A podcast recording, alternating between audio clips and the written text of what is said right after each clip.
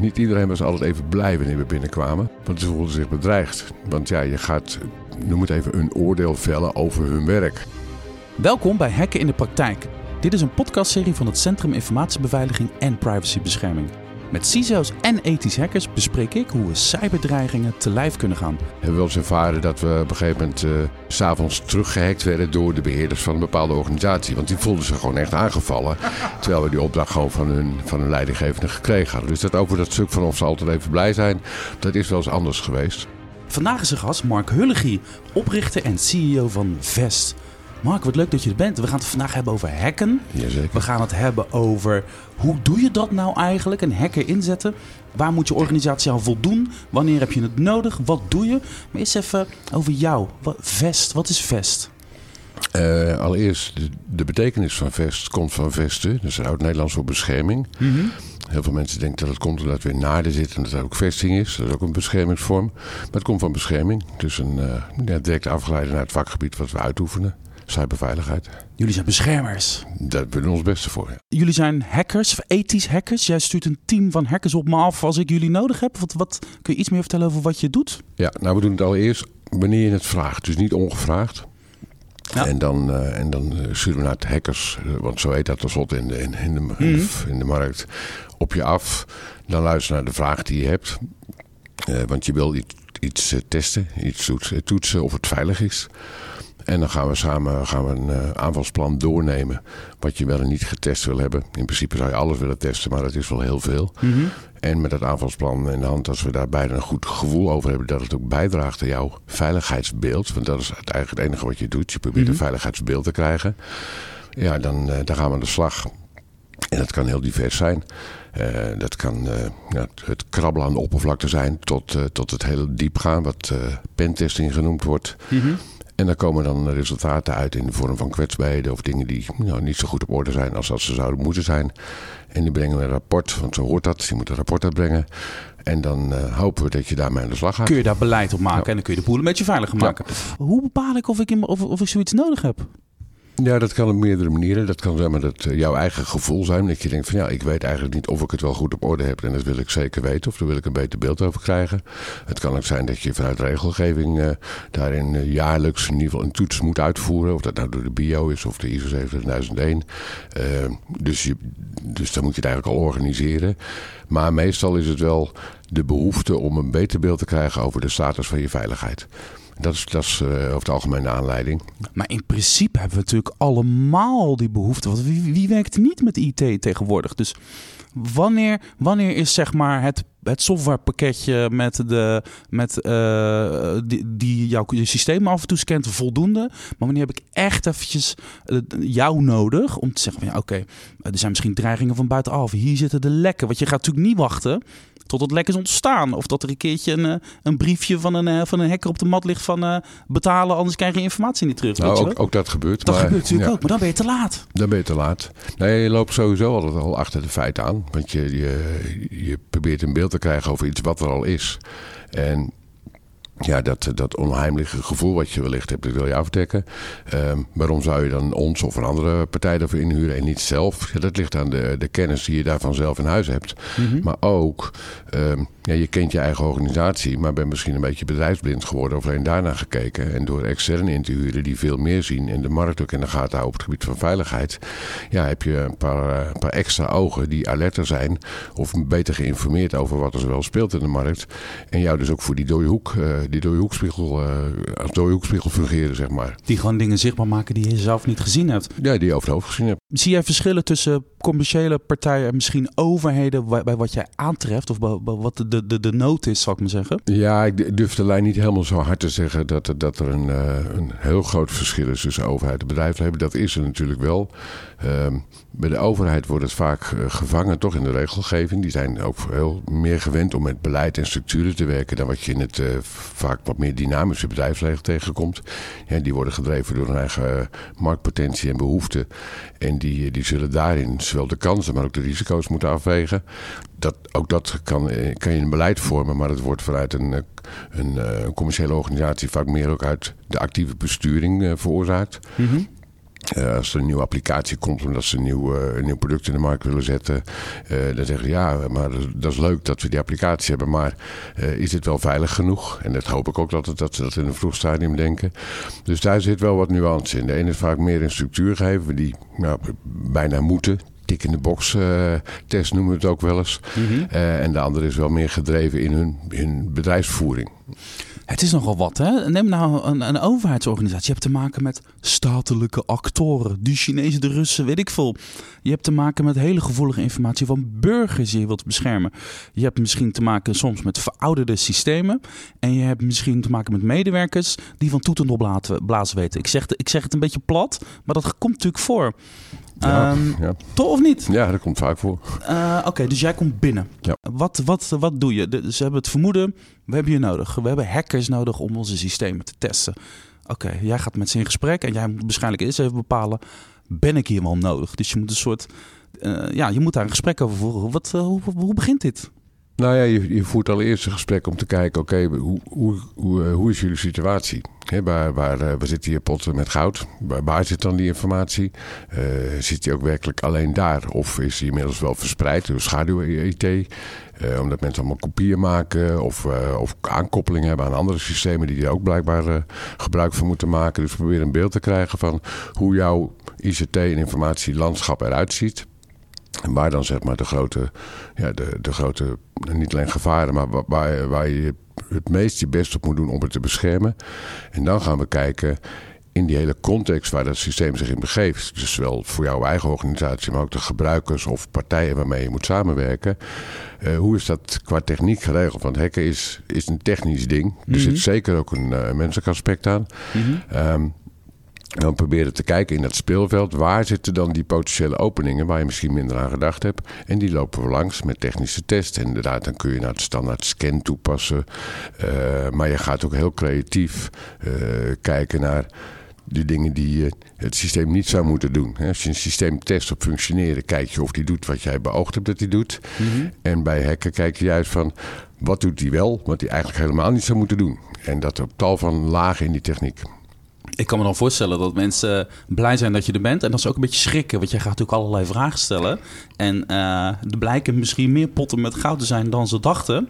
En ze blijken misschien aan de menselijke kant de dingen minder goed georganiseerd hebben dan ze eigenlijk hoopten. Klopt dat beeld? Allereerst, en dat is, is gelukkig weer een tijdje terug. Maar uh, niet iedereen was altijd even blij wanneer we binnenkwamen. Want ze voelden zich bedreigd. Want ja, je gaat uh, noem het even, een oordeel vellen over hun werk. Mm -hmm. Ja, en niemand wil eigenlijk geconfronteerd worden met zijn fouten. Of probeert ze, althans, niemand is er vreemd verwoord, want heel veel mensen willen juist van leren. En dat, mm -hmm. dat is ook de trend die je wel waarneemt. Maar dat blije hebben we wel eens ervaren dat we op een gegeven moment uh, uh, s'avonds teruggehackt werden door de beheerders van een bepaalde organisatie. Want oh, die voelden zich gewoon echt aangevallen. terwijl we die opdracht gewoon van hun, van hun leidinggevende gekregen hadden. Dus dat over dat stuk van of ze altijd even blij zijn, dat is wel eens anders geweest. Gelukkig uh, kom je steeds meer in de coöperatiemodus. Van hey, wij helpen jou mee om je omgeving veiliger te krijgen. Mm -hmm. um, en dan kun je ook kiezen van wat ga jij mij al vertellen over die omgeving. Of wil je dat ik het zelf uitzoek alsof ik een willekeurige hacker ben die inderdaad probeert jouw, uh, jouw organisatie aan te vallen. Mm -hmm. En dan weet ik ook niks, moet ik informatie gaan vergaren. Maar als je mij meer vertelt, dan kan ik ook beter kijken. Ook wat, wat, wat, dieper in de systemen waar dan eventuele zwakheden zitten. Hm. En ik zag op jouw website, uh, jullie kijken naar een paar dingen, een paar kernpilaren zou ik maar zeggen. Je kijkt naar het design van het systeem. Je kijkt naar de awareness van de mensen die ermee werken. Je kijkt naar het management en je kijkt naar uh, uh, testing. Klopt ja. dat? Dat ja. zijn een beetje pilaren. Bij hele grote organisaties moet je alles met meerdere mensen doorlopen. Bij kleinere organisaties ga je kijken van nou, volgens mij valt hier bij de awareness wat te halen. Oh, en daar misschien, daar moeten we vooral naar het design kijken. Kun je een beetje omschrijven wat daar de smaken zijn?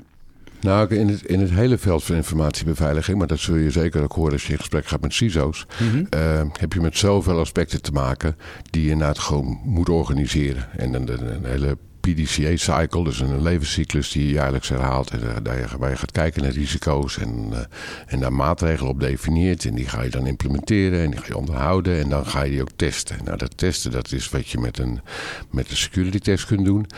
Um, maar zijn ook, als het op menselijke vlak is, dan kom je vaak ook op uh, bewustzijn en bewustwording. Gewoon trainingen. En dat is trainen, maar ook toetsen.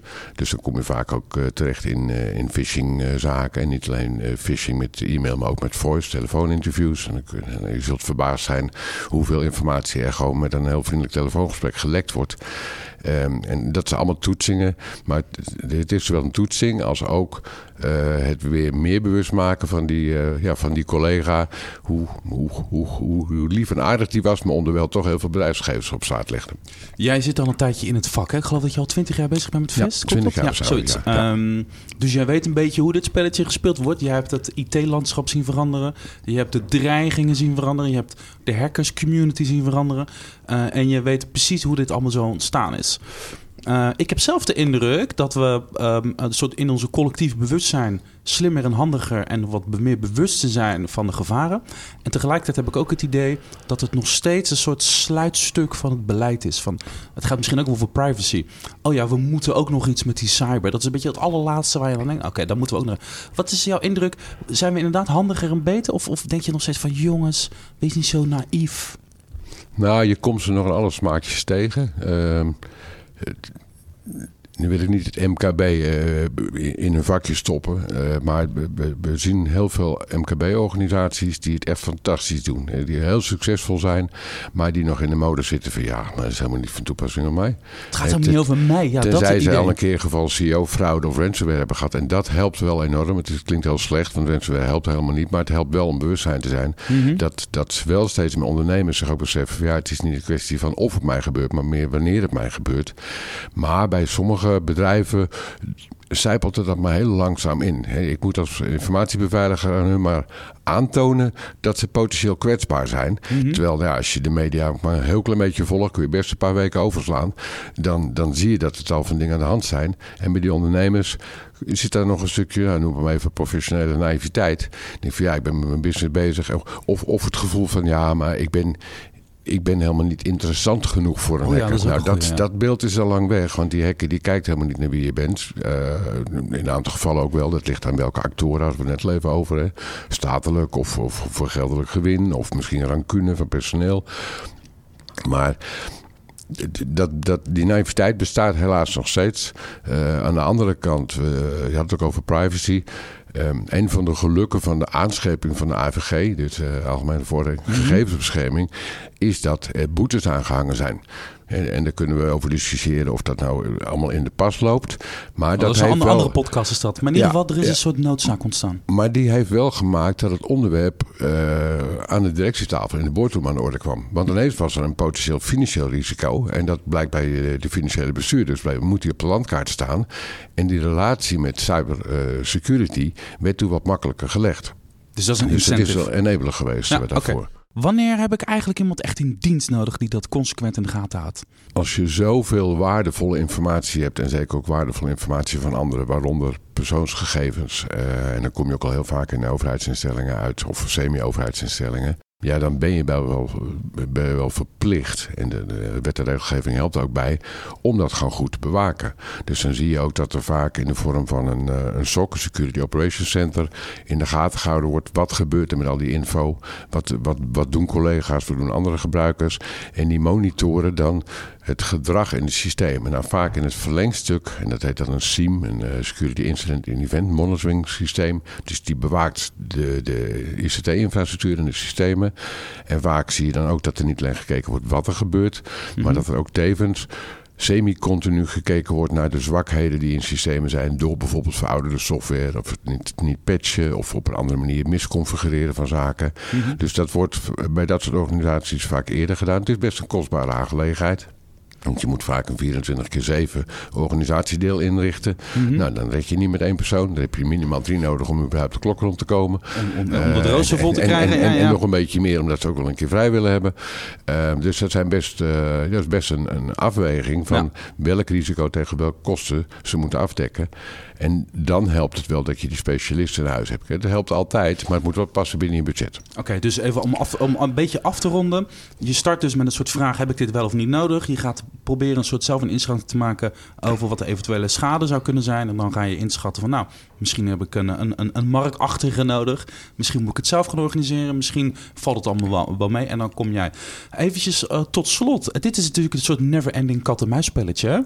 Hoe zorg je dat jij bijblijft? Want jij moet, waar ook komt, elke keer op de hoogte zijn van de laatste dreigingen, de laatste problemen. Hoe doe je dat? Dat is uh, voortdurend inderdaad die markt in de gaten houden. En gelukkig doe ik het niet alleen. En daarom ben ik ook blij dat ik dat team heb. En dat doen ze allemaal. En dat, dat, dat stimuleren we en faciliteren we. Om uh, ja, ook te, te, begeven binnen hackerscommunities. Uh, we hebben zelfs een tijdje lang de Russische taal aangeleerd. Omdat in Rusland is het oh, niet verboden om te hacken. Zolang je de overheid maar niet pakt. dus dat betekent dat er in de Russische taal heel veel ja, geek eh, te, te, te, vinden is over, over hacks en dergelijke. Want dat mogen ze publiceren. Daarvoor worden ze niet opgepakt. Want hacken is in principe nog steeds inbreken en is verboden. Daar kan je mhm. voor opgepakt worden. Mhm. Daar dus niet. Dus we hebben zelfs een, uh, een aantal mensen die de Russische taal uh, grotendeels eigen zijn. Om zich ook in die voorraad te kunnen verdiepen van wat daar geschreven wordt. En zo zijn jullie constant kijken waar kunnen we informatie vandaan halen. Tot slot, ik ga dit gesprek over hoe zet je nou een hacker in uh, met een CISO voeren. Uh, heb jij een vraag of een opmerking die je wil voorleggen aan eh, de CISO met wie ik dit gesprek ga voeren? Het landschap van testen is aan het veranderen. Hebben we het iets minder over gehad. Maar de wijzigingen in applicaties die zijn tegenwoordig niet meer per release die over zoveel maanden een jaar uh, gebeurt. Maar die gebeuren dagelijks. Dat merken we ook gewoon uh, in ons, ons eigen gebruik van, van toepassingen. Mhm. Dus de waarde van een test op een bepaald moment is veel vluchtiger geworden. Want op het moment dat je de foto neemt, is de wereld er weer veranderd. Dus de waarde van die, van die foto is minder. Ik ben benieuwd hoe die CISO zijn budget verdelen ten aanzien van testen gaat zien. Of die zegt van nou, dat testen dat ga ik minder budget geven. Want ik kan veel beter mijn, uh, mijn geld stoppen in andersoortige maatregelen. Mhm. Dus ik ben benieuwd hoe de CISO het testlandschap van toen en, uh, en de toekomst voor zich ziet. Allereerst vanuit budget. Want dat geeft, is vaak een indicator van hoe belangrijk je het vindt binnen het geheel. En dan kijken hoe ze daarmee omgaan. Ik neem de vraag mee. Uh, dankjewel Mark Hullegie, oprichter en CEO van Vest. Alsjeblieft. Hopelijk heeft dit gesprek je geïnspireerd. Luister ook de andere afleveringen terug. Gewoon op jouw eigen podcast-app. Meer informatie vind je op sip-overheid.nl slash uitgelicht.